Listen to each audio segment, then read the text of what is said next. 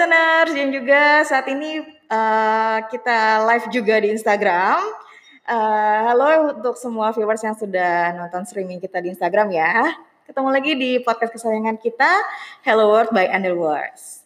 Oke, okay, hari ini uh, untuk anda listener semua, uh, saya sudah ditemani oleh partner host kesayangan kita nih yang ganteng ya kan hari ini. Mungkin bisa tes suara dulu. Halo. Uh, pasti tahu dong siapa ya kan. Boleh habis saya hello dulu sama anda listeners juga. Hello and the listeners yang udah selalu setia dengerin podcast Hello World by Enderworks yang pastinya yang selalu memberikan kalian informasi tentang bisnis, internet dan teknologi ya untuk mem, apa namanya merubah hidup kalian menjadi lebih baik lagi. Amin. Dasel, lanjut. Lanjut nih ya. Lanjut. nah, ada listeners hari ini benar-benar spesial banget ya kan. Uh, selain kita uh, saat ini uh, tengah live di Instagramnya Underworks, jadi buat kalian jangan lupa ya, langsung di follow aja Instagram Andelworks-nya. Nah, hari ini kita kedatangan orang penting nih, Bi. Wih, jelas kayaknya. Serem, Bi. Pasti. Tuh, dari ketawanya aja udah geter ya gak sih? nah, hari ini kita udah kedatangan uh, tamu spesial banget dari Andelworks, yaitu uh, oleh Ibu Foni Safira ya kan? Hai hai. Oh, hai. suaranya manis ya, Bi ya? Iya, itu. Nah, Bu Foni ini selaku dari CEO dan juga co-founder uh, dari Andalbox. Nah, jadi hari ini kita akan mengupas tuntas semuanya tentang Andalbox ya, Bia? Iya, benar, tentang Andalbox. Oke, untuk uh, buat Anda listeners nih dan juga untuk uh, viewers Instagramnya Andalbox, mungkin Bu Foni bisa memperkenalkan diri dulu, Bu. Uh, halo semuanya, saya Foni Foni Safira. Oke. Okay. okay, mungkin lebih tepatnya Dr. Foni Safira Lubis. Oke. Okay. Uh, saya uh, eh, CEO di PT Media Andalan Nusa yang hari ini diundang oleh Abi dan Sally iya, Bu. Iya, untuk mengisi podcastnya gitu. iya, karena susah banget nih Bia. Kita dari kemarin-kemarin baru episode keberapa nih sekarang kita baru bisa ketemu sama Bu Foni Abi? Ah, gue juga udah lupa. Nah, pokoknya udah lama banget ini ngerencana ini baru sekarang terrealisasinya. Iya, karena Bu Foni sibuk, Bi. iya, nggak bisa langsung kayak main buru-buru. Bu, besok bisa nggak? Nggak bisa. Bu, besok bisa nggak? Nggak bisa. iya, karena dia kan CEO dan juga co-founder iya. dari Underbox ini. Oke. Bi, uh, kalau eh Bi, mungkin ada pertanyaan duluan dari Abi? Oh, mungkin kita langsung nanya-nanya aja dulu ya ke Bu Foni. Kan udah lama nih kita nggak ngobrol sama Bu Foni. Iya, kita juga jarang ketemu ya. iya, makanya. Nih Bu Foni ini, saya mau nanya-nanya nih Bu Foni. Kan Bu Foni ini sebagai CEO-nya Endelworks ya Bu Foni ya. Dan apa namanya, ibu itu kalau nggak salah, setahu saya, ibu backgroundnya dokter. Kok bisa sih Bu? Ibu dokter terus masuk jadi apa namanya CEO-nya Endelworks. Kan jauh tuh maksudnya perbedaannya jauh ya. Bagi menurut saya perbedaannya jauh. Bisa diceritain gak Bu? Oke, makasih Abi. Uh, ceritanya sebenarnya panjang sekali. Jadi beberapa teman saya uh, suka ngeledekin saya katanya gini, "Fon, lo itu keperosok enak," katanya gitu. Jadi keperosok oh. enak gitu ya. Karena uh, tadinya memang kita uh, saya backgroundnya dokter dan beneran sekolah dokter sampai wisuda, hmm. sampai praktek juga. Hmm. Jadi uh, Mungkin takdirnya nggak di sana kali ya. Oh jadi, iya. Nah, jadi uh, sekitar eh, empat uh, tahun lalu saya join di Media Andalan Nusa. Iya. Tapi sebenarnya saat saya sekolah dulu saya juga sudah terbiasa dengan cerita tentang IT begitu. Oh, udah sering hmm. itu ya, Bu ya? Apa namanya terbiasa dengan yang berbau IT ya? Iya, paling tidak menjadi pendengar yang baik saat okay. itu. Hmm. Iya, karena mungkin kalau zaman dulu kan apa namanya kita masih mungkin gak se apa sih gak se open minded sekarang lah ya iya. mengenai mengenai digitalisasi ya kan. Nah uh, apa namanya Bu Foni ini karena kan jarang banget nih Bu seorang perempuan itu mau terjun ke dunia IT gitu ya pasti kan basicnya kebanyakan laki-laki gitu ya. Iya. Iya. Nah gini saya itu memang uh, seneng tantangan gitu ya. Jadi tantangan sesuatu yang baru. Wis. Nah, jadi ketika saya masuk benar-benar yang kata teman saya keperosok enak tadi, Mm-mm. ya saya langsung beradaptasi gitu ya, beradaptasi karena sebenarnya tidak begitu jauh sih dengan basic saya gitu. Jadi eh, ketika kita menjadi dokter dan mm, menemukan satu diagnosa sampai dengan kita melakukan terapi Mhm. gitu ya, kita kan harus eh, melakukan anamnesa dulu, pemeriksaan fisik, pemeriksaan laboratorium, bla bla bla ya. Ya. Jadi artinya ketika customer datang hampir sama dengan ketika pasien datang. Jadi kita tanyakan apa keluhannya, Mm-mm. eh, maunya seperti apa kalau Iya. di customer. Nah, nanti baru kita yang lakukan pemeriksaan fisik itu. Jadi contoh pemeriksaan fisik kalau di kita adalah kita lakukan eh, anamnesa kebutuhannya, Eh, misalnya customer itu untuk eh, perorangan atau Hmm. untuk corporate. Jadi kita bisa menentukan kalau dia untuk corporate itu seharusnya berapa mega dan Mhm. apakah dia memerlukan eh, akses point dan lain-lain gitu. Oh, berarti itu kebutuhan tergantung levelnya ya, Bu ya. Iya, Corporate, ah, corporate atau personal. benar. Oke. Tapi kita tetap lakukan seperti yang eh, biasanya dokter lakukan gitu. Oh, Jadi oke. ketika pasien mengatakan keluhannya, Mhm. kita nggak bisa langsung 100% percaya di sana. Bukan berarti pasien kita berbohong, bukan. Kemungkinan dia tidak mengerti cara menyampaikan keluhan Iya, benar penyakitnya. juga. Hmm. Benar sih, Bu. Nah, jadi itu sebenarnya anamnesa adalah sebagai awal ketika kita ingin melakukan survei. Begitu juga dengan pasien ketika kita ingin melakukan pemeriksaan klinis yang lain. Misalnya Mm-mm. dia harus periksa darah atau misalnya CT scan kayak gitu. Iya.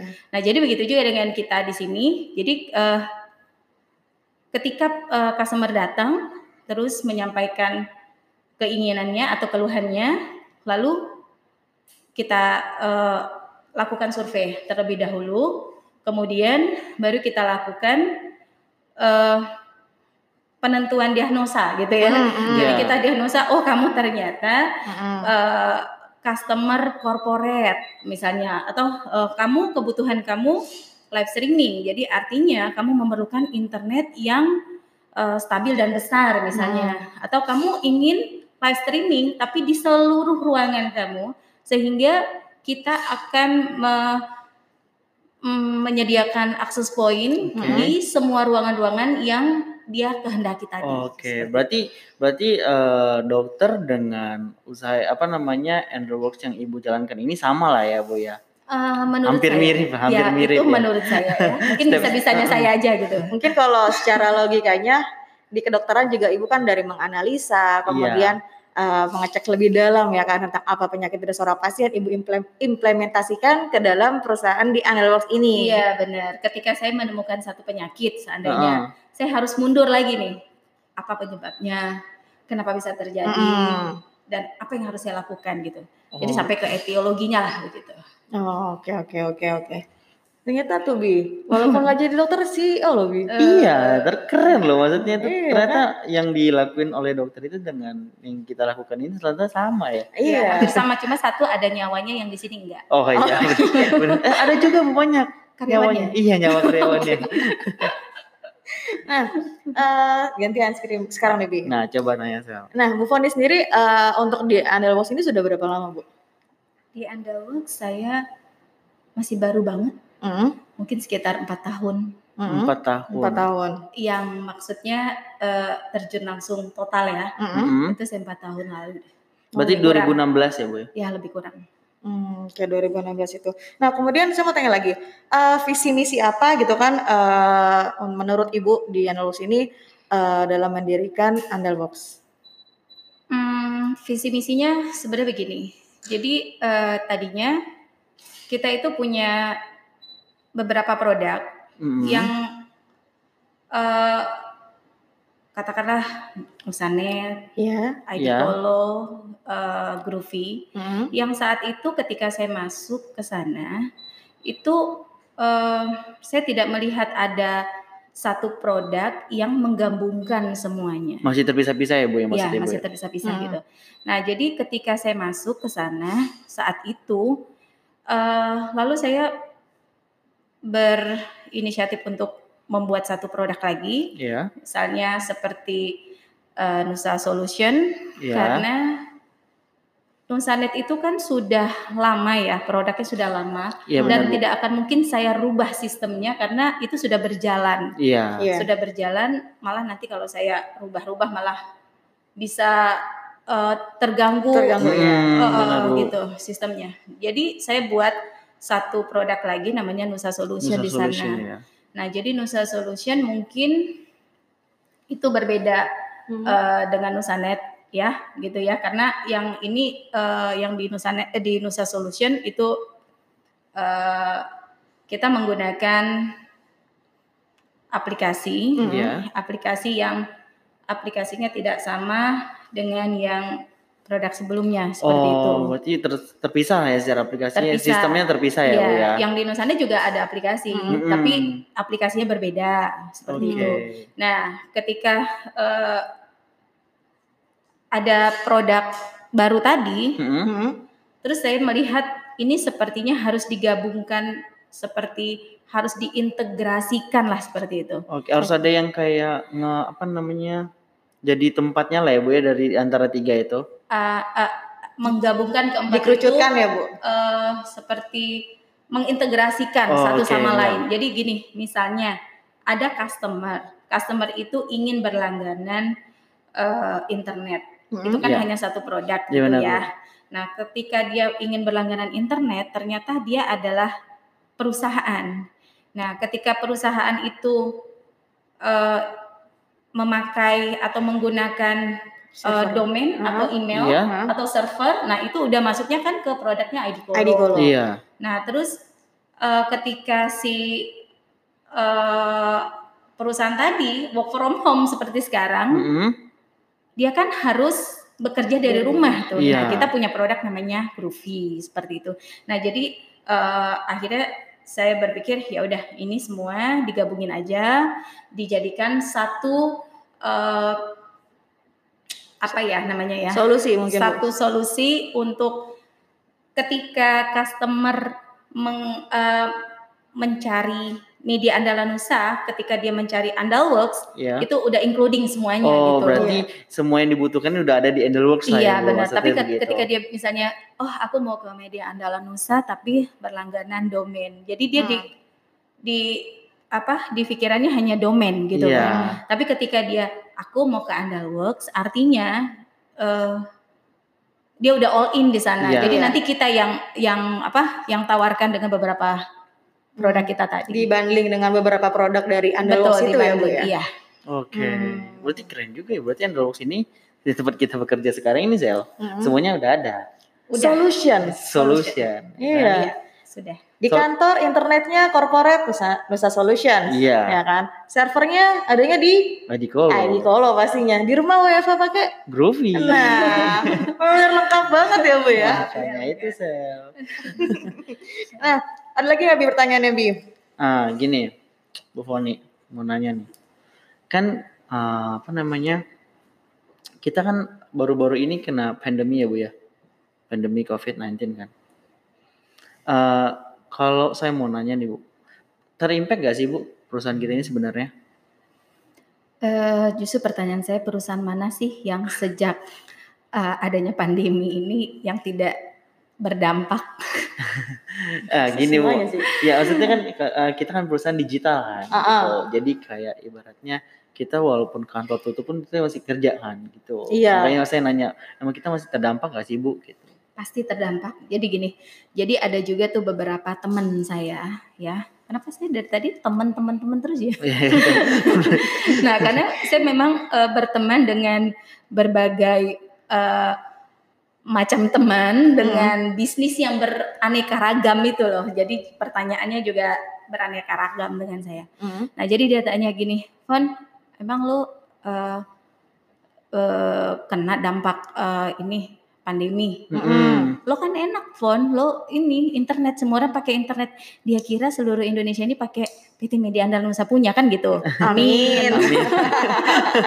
mudah-mudahan deh, mudah-mudahan. Nah, jadi gini, eh, jadi saya jelasin juga mudah-mudahan teman saya itu dia denger ya. Amin. Ter Eh, jadi eh, karena perusahaan kita ini adalah melayani sebagian besar dari customer corporate, Iya. yang mana perusahaan-perusahaan tadi juga mengalami dampak dari pandemi ini, Mm-mm. sehingga pasti langsung deh gitu ya kena dampaknya. Heeh. Eh, nomor satu di pembayaran mungkin. Oh, Oh. oke. Berarti dari bukan nggak langsung banget eh, apa, namanya dampaknya ke itu ya bu ya. Iya. Ta- Tapi dari si customernya apa namanya atau kliennya Endelworks ya. Bu? Iya, karena kan beberapa eh, perusahaan tadi kadang ada yang sudah menggunakan aplikasi, ada Mm-mm. juga yang belum menggunakan Iya. aplikasi. Nah, ya, Nah, kalau yang belum menggunakan aplikasi kan dia harus ke kantor. betul. Sementara di Jakarta, DKI kan ada PSBB ya kemarin Iya. ya. Nah, jadi mungkin menghambat ya di sana deh gitu. Hmm, iya iya. Jadi Kalau- untuk kelancaran, tapi nggak nggak terlalu, tapi ya berasa juga menurut saya sih. Berasa juga ya bu. Berasa. Tapi tapi kan Bu Foni eh, ya anggap aja lah eh, COVID ini nanti bakal apa namanya berlalu lah ya. Iya. Mudah-mudahan kita doakan. Iya. Tapi kan sekarang udah ada new normal bu. Iya. Iya kan semua orang yang biasanya masih konvensional sekarang udah digital. Iya. Udah banyak orang-orang yang kayak sekarang udah mulai paham tentang pentingnya website, Iya. email, domain. Gimana menurut Bu Fonita dengan orang-orang yang udah mulai maju sekarang? Nah, saya itu berterima kasih juga eh, kepada masyarakat yang eh, mau berubah, bukan berubah ya, belajar, Belajar ya Bu dan ya. beradaptasi kepada eh, lingkungan pada Iya. saat itu. Misalnya sekarang lagi terjadi pandemi, Mm-mm. terus kita kan harus menjadi yang adaptif ya. Iya. Iya. Jadi kita benar. nggak bisa kukuh begitu ya. Hmm, Jadi kita harus adaptasi dan harus terbiasa dengan adanya perubahan. pasti. Karena katanya yang kekal itu Perubahan itu perubahan abadi. itu abadi. Iya perubahan itu abadi Bu. Karena pasti berubah. Iya. Iya. Eh, karena ciri-ciri makhluk hidup juga adanya perubahan pergerakan, benar nggak? Iya Iya, benar Yang Bu. pertama adalah bergerak. Sebelum dia bernapas paru-parunya Iya kan dia bergerak. bergerak dulu ya, berubah gitu. Nah, jadi ketika ada perubahan seperti ini, ketika kita sudah terbiasa dengan adanya digital eh, yang saat ini disebut dengan eh, industri 4.0 katanya. Iya, iya, Nah, sekarang itu, itu. sebenarnya mm, eh, dampak ada, tapi tidak terlalu terlalu efeknya itu tidak terlalu eh, apa ya namanya ya tidak terlalu Bera- kalau berasa dibilang berasa tetap berasa, ya Bu ya. tapi tidak terlalu berat Oh, dibandingkan yang belum menggunakan eh, atau belum terbiasa perusahaannya dengan industri 4.0 itu Iya. gitu jadi kayak eh, dulu misalnya industri 1.0 Iya. kita saat itu sudah menggunakan yang namanya mesin ya dengan sederhana Mm-mm. saat itu misalnya kita sudah menggunakan mesin Mesin tik ya, Bu? mesin. mesin tik ya Iya, mesin ya, mesin di bener sel. mesin ya mesin yang disebut mesin kan artinya yang ada sistemnya ya. Jadi mes- mesin tik dia nggak bisa jalan sendiri Iya kayaknya. harus ada orangnya gitu. Nah terus eh, kedua nol gitu ya. Jadi kita menggunakan mesin tapi sudah lebih banyak lebih massal hasil yang dihasilkan oleh mesin Hmm. tersebut. Eh, terus 3.0 3.0 itu em, komputerisasi Iya, automation ya. otomasi Iya. Nah, sekarang kan kita di 4.0. 4.0. Nah, 4.0 adalah udah lebih maju lagi, bahkan kita sekarang eh, yang namanya 4.0 itu sudah sistem tadi terintegrasi dengan menggunakan infrastruktur katakanlah internet kayak gitu. Oke. Ya, jadi sehingga waktu 3.0 itu em, belum eh, terintegrasi misalnya belum dam, eh, apa connectingnya itu belum di eh, jarak yang jauh. Jauh. Nah, Ah. kalau sekarang kalau di 4.0 Abi posisi di Jakarta bisa katakanlah eh, chatting-chattingan Hmm, gitu iya ya benar. dengan Sally yang ada di Papua. di Kalimantan, Papua. Ah, misalkan ya udah lebih Papua. jauh lagi ya Papua Iya. ya. nah, seperti itu. Nah, itu eh, kita harus menggunakan eh, infrastruktur yang namanya internet tadi. Oke. Oke. Berarti berarti kalau kayak gitu Endorworks ini bagus banget tuh Bung. Apa namanya? Hmm, mensupport atau mendukung orang-orang untuk jadi lebih maju lagi, Bu ya. Iya. Apalagi yang bisnis-bisnis yang kayak masih konvensional atau yang baru mulai gitu masih bisa kita uh, support mereka untuk lebih maju lagi ya. Iya, benar. Jadi sebenarnya dengan adanya internet Hmm. Eh, digitalisasi ini itu membantu kita manusia untuk mempermudah, mempercepat Betul. kerja kita. Jadi dia membantu kita. Katakanlah ada namanya sistem Mm-mm. atau mesin robot tadi Iya. gitu ya, aplikasi. Dia eh, justru bukan bukan eh, membuat manusia menjadi eh, apa namanya?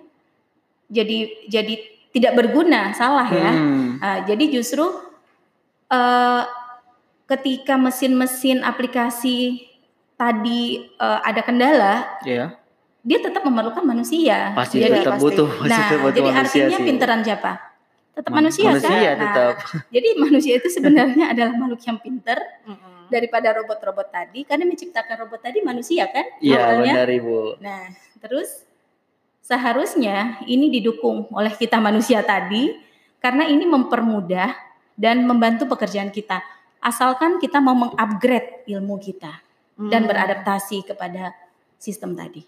Yang penting kita mau berubah apa namanya, mau beradaptasi atau mau maju lah ya dan menyesuaikan dengan kondisi yang sekarang ini ya, Bu. Iya, betul. Sehingga karena kan manusia itu Pak manusia itu adalah makhluk yang paling eh, jago dalam beradap- eh, beradaptasi ya. Nah, jadi kita harus mempertahankan simbol itu ya. Iya benar-benar Bu, harus itu harus. Harus. Mm-mm.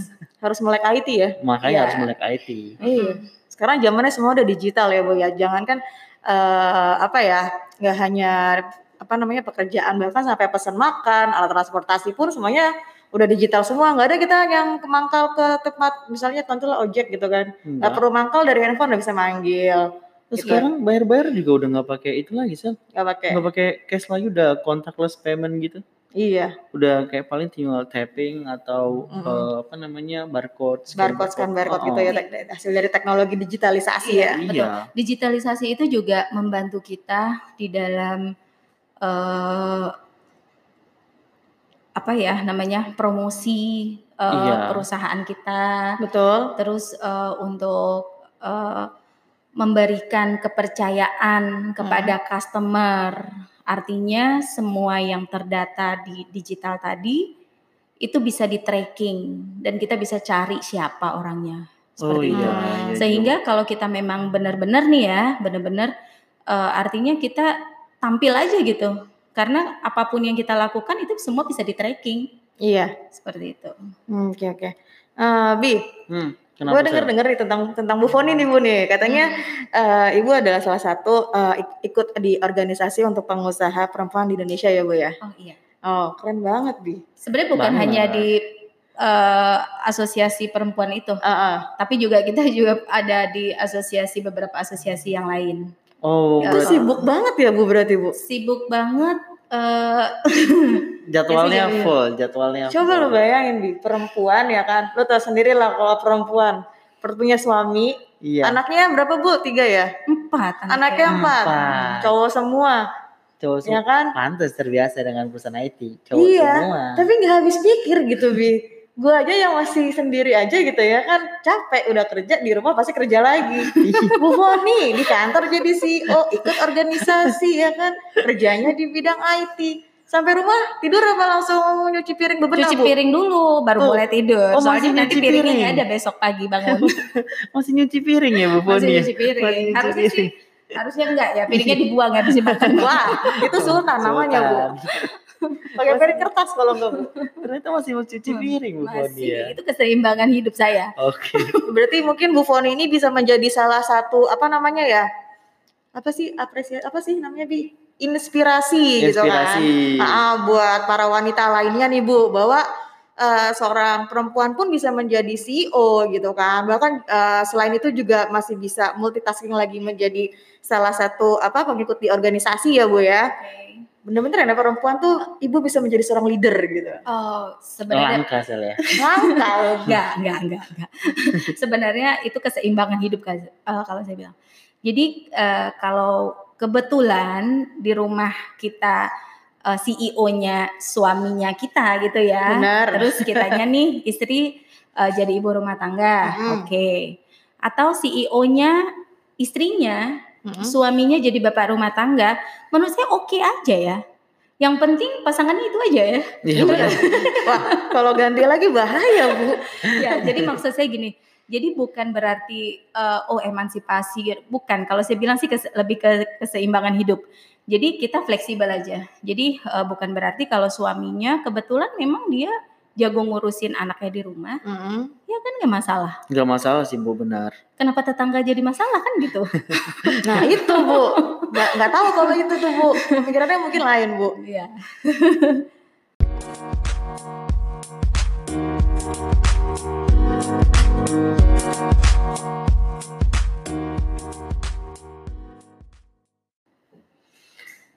Nah jadi mungkin tadi Abi bisa dirangkum lagi Bi tadi pertanyaan dari Mbak Elsa dengan apa yang tadi udah disampaikan sama Bu Foni bahwa pentingnya eh, website gitu kan untuk sebuah UMKM. Iya. Jadi seperti pertanyaan Mbak Elsa tadi nih. Ya Iya. kan? Kan kita udah nanya ke Bu Foni, nih, Bu Foni udah jawab. Kita ngerangkum. Jadi eh, sebenarnya Bagian nggak enak. Jadi sebenarnya UMKM itu, UMKM itu sangat butuh banget apa namanya beradaptasi dengan transformasi digital kan. Iya. Karena ya saat ini orang juga udah mulai eh, mengonlinekan usahanya Betul. dan dia harus membutuhkan domain, website dan email. Dan kalau misalkan dia mau eh, apa namanya, saya mau nambahin nih Bu Foni ya. Misalkan dia mau nambah apa namanya ya, eh, menjual atau mempasarkan produknya di marketplace, Mm-mm. ya nggak apa-apa. Jadi apa namanya payment gateway aja. Iya bisa. Katalognya tetap di website dia kan, Ah. dengan sesuai dengan nama domain dia bu, dengan emailnya dengan sesuai dengan emailnya, eh, domainnya dia. Nah berarti buat UMKM, nah dan buat Mbak Elsa, transformasi digital sangat penting mbak. Eh, bisa apa namanya memajukan bisnis kalian yang baru mulai. Gitu. Trusted ya sistemnya ya. Iya benar. Jangan lupa Bi, Apa tuh? Andalux juga punya produk buat UMKM. Kalau misalnya baru pertama nih, mereka kan juga punya telepon internet ya Bu ya. Oh iya juga ya betul. Ah, itu buat UMKM pas banget ya Bu. Iya, sebenarnya kalau untuk UMKM yang misal nih dia belum ada kantor khusus. Mm-mm. Jadi dia masih eh, pengen bikin kan namanya juga kita baru bikin usaha dimulai dari yang kecil gitu Ya, ya. mungkin sewa ruko-ruko dulu lah Bu gitu ya. Belum, belum ruko, mungkin masih di rumah. Masih di rumah. Oh, Masih di rumah. Nah, kita kan ada tadi produknya. Telepon. Telepon. Apa? Ada produk internet kita kan ada di rumah. Ada. Nah, Iya, cuman ada. memang Groovy ada di cover uh, area tertentu. Mm. Untuk saat ini belum seluruhnya tercover gitu ya. Karena dia juga masih bungsu sel. Iya, Oh, gitu iya, baru iya. ya, Bungsu Bu. dia. Nah, terus eh, si apa namanya? eh Groovy. no, si UMKM tadi eh, dia bisa memulai usahanya dari rumah. Heeh. ya kan? Dia bisa dari rumah. Tapi itu tadi saya bilang jangan lupa identitas untuk trust tadi Mm. harus Iya, tetap ada. Mm. jadi supaya kan sering tuh misalnya ya namanya orang di mana-mana tetap ada yang seperti itu. Ketika ada customer yang pesan sesuatu terus Mm. katanya duh nggak nyampe nih duitnya ini bla bla bla bla bla. Seharusnya sebelum dia order dia harus searching dulu ada nggak domainnya kalau perlu ada nggak websitenya Iya sih bu, harus sih bu itu. Iya, kan- karena untuk mendaftar domain tadi kita di Andalworks pasti minta data-data kan, Iya, minta. KTP, KTP-nya PWP. segala macam. Jadi Mm-mm. kalaupun ada something yang tidak diinginkan di sana, bisa ada trackingannya di sana. Iya, terdata dia bu ya. Iya benar. Berarti Oke. penting banget tuh Mbak Penting banget. Penting. Bu Elsa sudah terjawab ya oleh Bu Foni. Mungkin nanti kalau misalnya masih kurang jelas boleh didengar di podcast kita lah ya. Nanti Atau kalau di misalnya episode kurang puas juga boleh kirim email kali ya ke Andalworks Boleh. ya. Boleh, ada Boleh, miminnya boleh. nanti ya kan. Oke, eh, Bu, eh, eh, Bu Foni saya mau nanya lagi nih. Eh, berarti kalau di Andaluk sendiri kan katanya aku dengar sempat ada ada di, di di Instagram itu pernah posting ada kerjasama dengan apa namanya fak- universitas di Binus ya Bu ya. Oh iya. Mungkin bisa diceritakan sedikit Bu Foni? Oke. Nah, untuk saat ini kita memang ada kerjasama dengan eh, kampus BINUS Mm-mm. eh yang ini udah tahun kedua ya kalau nggak salah saya. Iya ini udah tahun kedua bu. Dan sayangnya kemarin kita kan harus ngikutin eh apa namanya WFH. WFH ya. Iya. Jadi untuk saat ini belum bisa terlalu aktif untuk a- anak-anak Internshipnya ya. Nah, jadi eh, eh, anak-anak intensif tadi Mhm. itu setiap tahunnya eh, di mungkin pertengahan semester ya, Hmm. mungkin semester Sekitar semester. 6 7. ah oke se- sekitar itu. Jadi dia kan punya ada program untuk eh, magang. Magang Hmm. ya. Nah, satu tahun. Nah, Satu tahun. kebetulan kita di eh, terpilih gitu ya. Alhamdulillah Hmm. kita terpilih eh, sebagai eh, partner tempat eh, magang mahasiswa tadi gitu. Karena nggak semua bisa loh, Sally. Oh enggak Iya. semuanya iya, bisa ya nggak bu ya? semuanya bisa dong. Jadi kita tuh dipilih gitu, bukan kita yang Oh. memilih. kita Oh, dipilih. gitu. Nah. Jadi eh, kita eh, ah, di anak magang tadi Mm-mm. kita akan eh, mengajarkan eh, cara-cara eh, bagaimana sih bekerja karena kan secara teori kita sudah dapat di kampus. Betul. Iya. Jadi kayak saya kuliah kedokteran dulu ya. Jadi kita Hmm. udah dapat teori di kampus tapi Hmm. prakteknya di rumah sakit kan, Iya. namanya koas. Koas. Nah, beberapa eh, kampus atau jurusan itu kan nggak ada yang seperti itu. Ya, Hmm. jadi misalnya dia sudah dapat teori di kampus, tapi dia eh, belum pernah terjun langsung, Hmm. belum pernah terjun langsung. Jadi ya ibaratnya kalau saya lihat sih eh, hampir mirip kayak koas tadi gitu. Hmm. Jadi dia terjun langsung, gunanya untuk apa? Untuk supaya ketika dia memang ingin bekerja, Iya. dia nanti sudah ada gambaran bekerja itu seperti apa.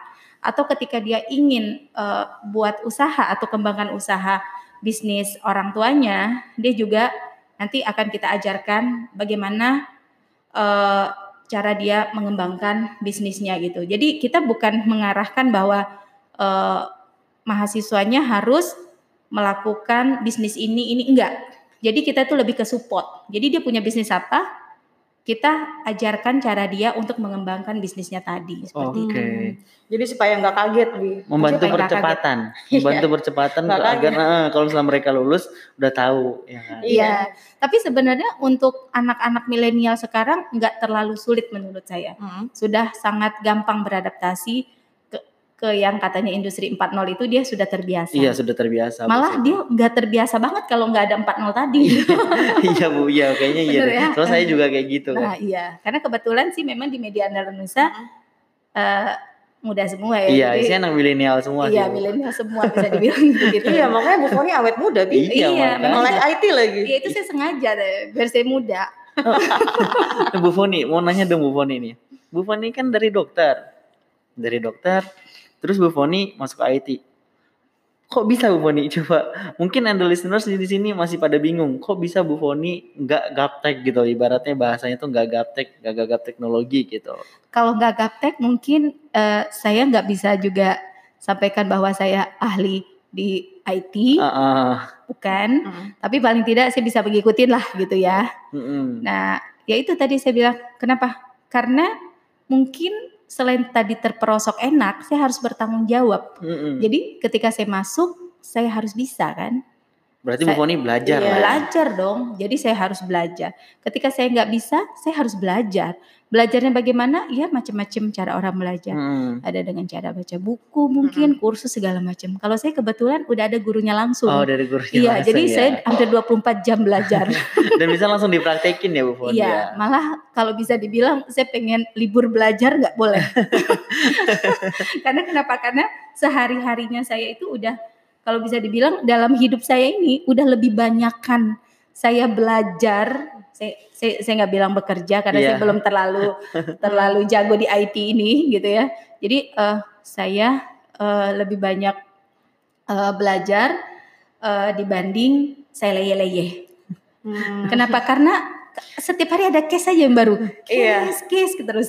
Jadi Karena- saya harus belajar gitu. Iya bener sih bu, harus belajar terus dan teknologi kan maju terus bu. Iya, Kalau ibu nggak belajar kan nanti ibu bisa ketinggalan kan. Pasti ketinggalan karena teknologi itu terlalu cepat, pergerakannya ya. terlalu cepat Mm-mm. pergerakannya. Nah, Bu Foni, saya mau nanya nih. Di Endelworks ini kan kita perusahaan digital, Bu ya. Perusahaan managed service provider lah. Iya. Ehm, saya mau nanya, kalau misalkan kita service provider jasa kan, Bu. Iya. eh, apa apa namanya?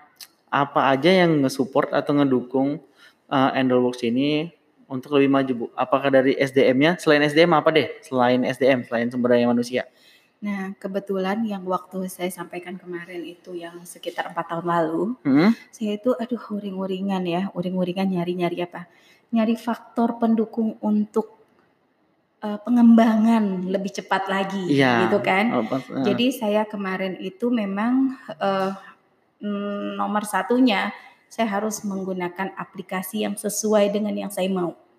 Jadi aplikasi yang saya gunakan adalah aplikasi yang terintegrasi satu sama lain. Mm-mm. Jadi setiap bagian itu terintegrasi. terintegrasi bu ya. Iya. Jadi Berarti sorry bu, berarti di Endelworks ini selain SDM-nya yang ahli lah ya, maksudnya yang udah sesuai dengan posisinya atau apa atau keahliannya, ya. Ada sistem yang bagus ya bu ya. Iya betul. Jadi kalau untuk eh, setiap divisi sudah pasti ada ahlinya masing-masing. Heeh. Setiap departemen pasti ada ahlinya masing-masing. Iya. Jadi kita juga nggak minta satu bagian belajar ke bagian yang itu, enggak. Mm-mm. Jadi biarkan spesialisnya mengerjakan keahliannya masing-masing. Iya benar. Tapi ketika ada eh, apa namanya eh, skill, Hmm. tapi kan kita berarti harus ada pendukung skill tadi ya. Iya. Jadi kalau orangnya udah canggih juga, tapi kalau tidak didukung dengan aplikasi yang canggih, Hmm. menurut saya saat ini yang kita pakai itu menurut saya ya, Mm-mm. itu adalah eh, yang canggih saat ini. Karena kenapa? Karena saya senang sekali itu terintegrasi satu sistem ke sistem yang lain. Terintegrasi dari satu sistem ke sistem yang lainnya. Iya, Berarti setiap departemen sudah terintegrasi ya bu ya. sudah terintegrasi. Wah, itu bikin sendiri atau gimana bu? Eh, alhamdulillahnya beli. Oh. Jadi kayak mana tahu eh, mana tahu ya untuk yang bikin aplikasi, mana tahu ada yang lebih canggih dari ini, Iya. Hmm. bolehlah. Mana tahu mau kasih penawaran sama kita kan gitu ya. Iya, benar gitu. Di review dulu bu Iya, ya. tapi kita coba dulu benar apa enggak gitu. Karena eh, kesulitan di aplikasi itu adalah pertama memang aplikasi itu bagus, tapi yang susah itu yang sulit komitmen di dalam hal maintenance aplikasinya sendiri. Jadi supportnya. Jadi Oke. eh, jadi kebetulan aplikasi yang kita beli tadi ya mahal lah gitu ya. Ya sesuai sebenarnya saya bilang. Kenapa? Karena supportnya itu 24 jam Hmm, dan tujuh hari ya nggak pernah libur. Iya. Terus eh, kayaknya yang mikirin bukan 100 orang kayaknya, pasti lebih. Kayaknya sih. Jadi kalaupun kita mau bikin ya boleh silakan. Hmm. Tapi eh, apa kalau teman-teman mau bikin silakan. Tapi kalau ada yang lebih bagus dari ini ya bolehlah kasih penawaran. sama Boleh lah ya, ya. gitu.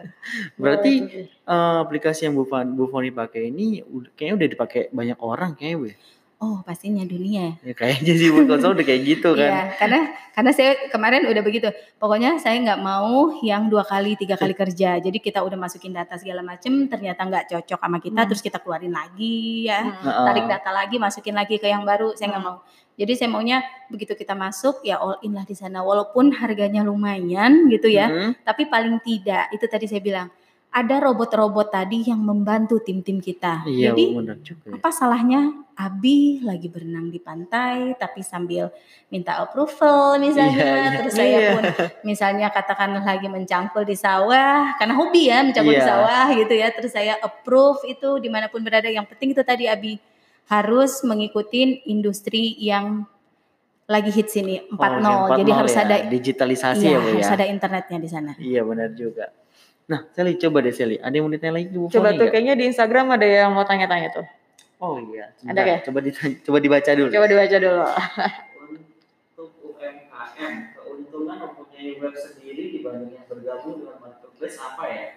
oke Apa Dari pertanyaannya? pertanyaannya dari Andriansa 1508. Pertanyaannya UMKM itu uh, keuntungannya apa apa gitu menggu- uh, Dengan mempunyai web website. Uh-uh. daripada dibandingkan uh, menggunakan marketplace. Hmm. Menggunakan kalau kita namanya jualan itu ya kalau perlu 360 derajat. Jadi bukan harus ada di marketplace saja, tapi tidak ada di website atau ada di website saja tapi tidak ada di marketplace yang lain. Misalnya katakanlah kayak Tokopedia, Hmm. Bukalapak kayak gitu. Itu kita berterima kasih sekali ya dengan adanya marketplace sebesar itu kayak Gojek, Grab dan lain-lain yang udah membantu eh, untuk memperlancar ini semua.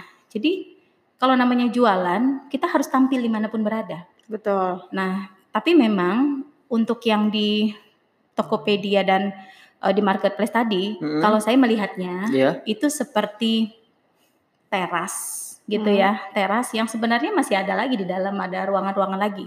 Hmm. Nah, kalau kita mau untuk lebih lengkap detail kan nggak nggak bisa di sana ya. nggak bisa bu di sana. Nah, jadi kalau kita ingin detail, kita harus ada hadir di website tadi. Iya. Jadi di website di mana alamat kantornya, di mana misalnya eh, asal usul barangnya dari mana. Misalnya kita Hmm. pengen tahu tuh Iya. apakah terbuat dari daun, apa segala macem seperti itu. Jadi harus tetap ada dan itu pasarnya eh, berbeda, tidak saling tabrakan, bahkan saling mendukung satu sama lain. Iya juga sih bu. Soalnya kalau UMKM kayaknya kalau di marketplace kan tokonya sebelahan bu. Iya kan? Gimana? Iya. Ya kan sih kalau di marketplace kan Iya. tokonya sebelahan. Bisa Iya. aja kalau misalnya di sebelah sini harganya lebih murah nggak jadi beli.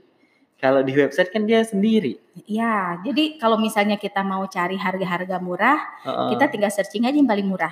Kalau Iya, perlu yang nol, ya Tinggal kan? di sort aja nanti Iya, bu di berarti ya. Tapi ketika kita makanya perlu marketplace tetap perlu. Tetap perlu. Nah, tetap perlu. Tapi ketika kita pengen tahu, oh bajunya itu bahannya misalnya dari bulu apa atau dari daun apa seperti itu. Iya. Nah kita mau searchingnya kan nggak ada di marketplace tadi, jadi kita Hmm. harus masuk ke websitenya. Terus kita pengen lihat yang punya siapa ya? Hmm, kan. Mm-mm. detail descriptionnya masih di, di web ya bu ya. Iya, kayak gitu.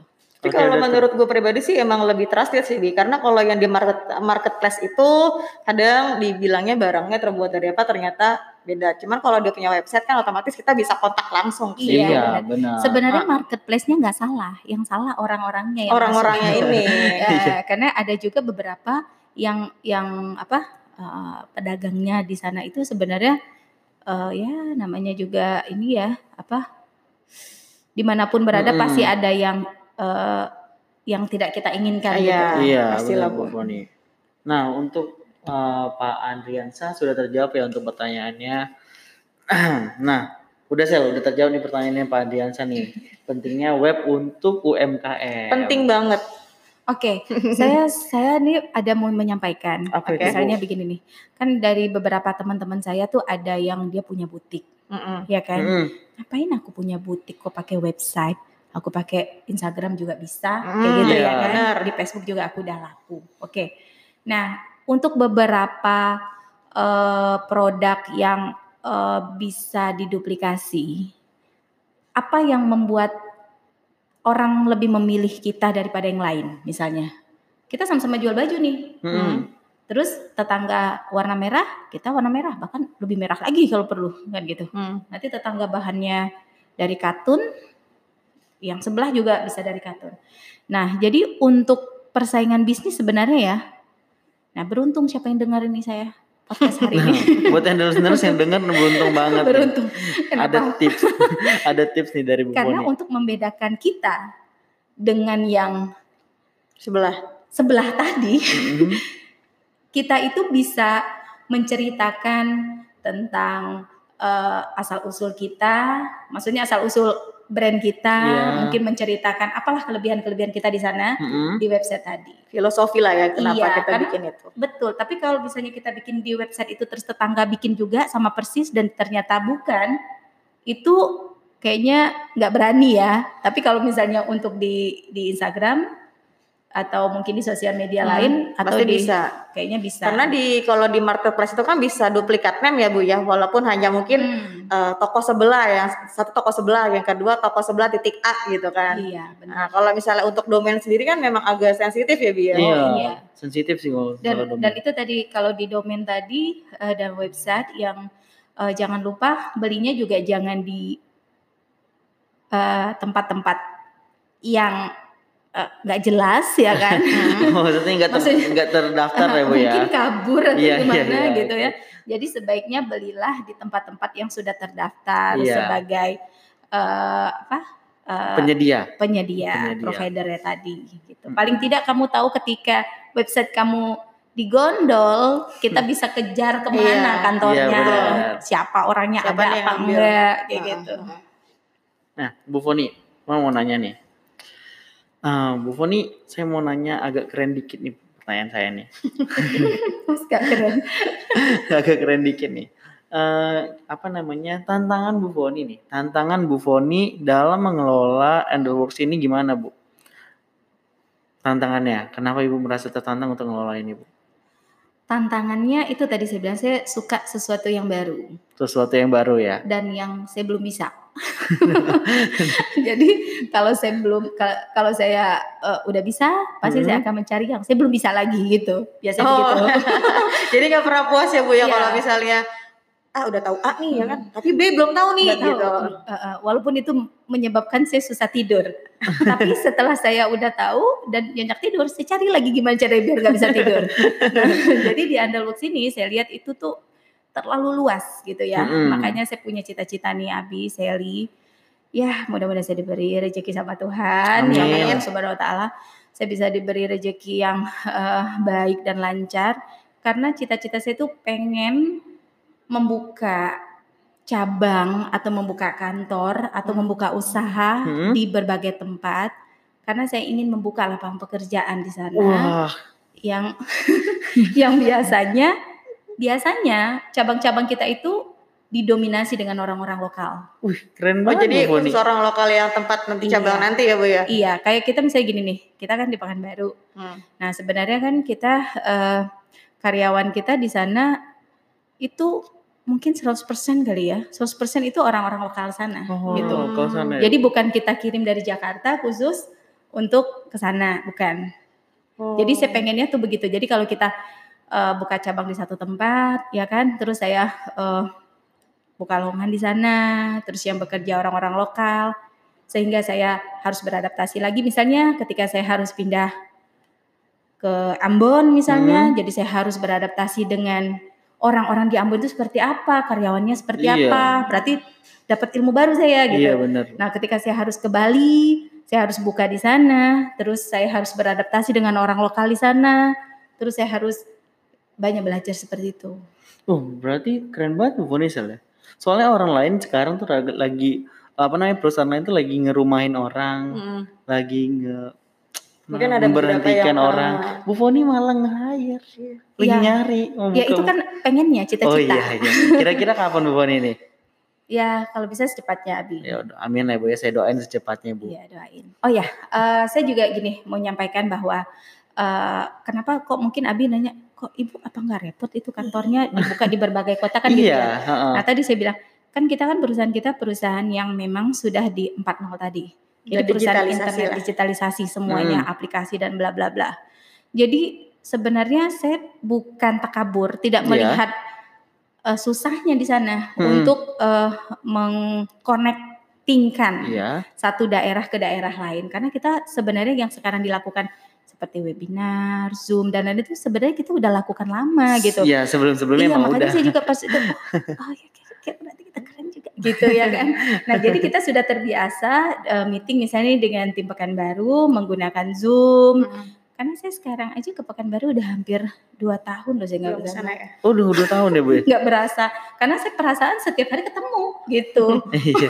Tapi ketemu di di apa video Zoom. conference kan? Iya di Zoom.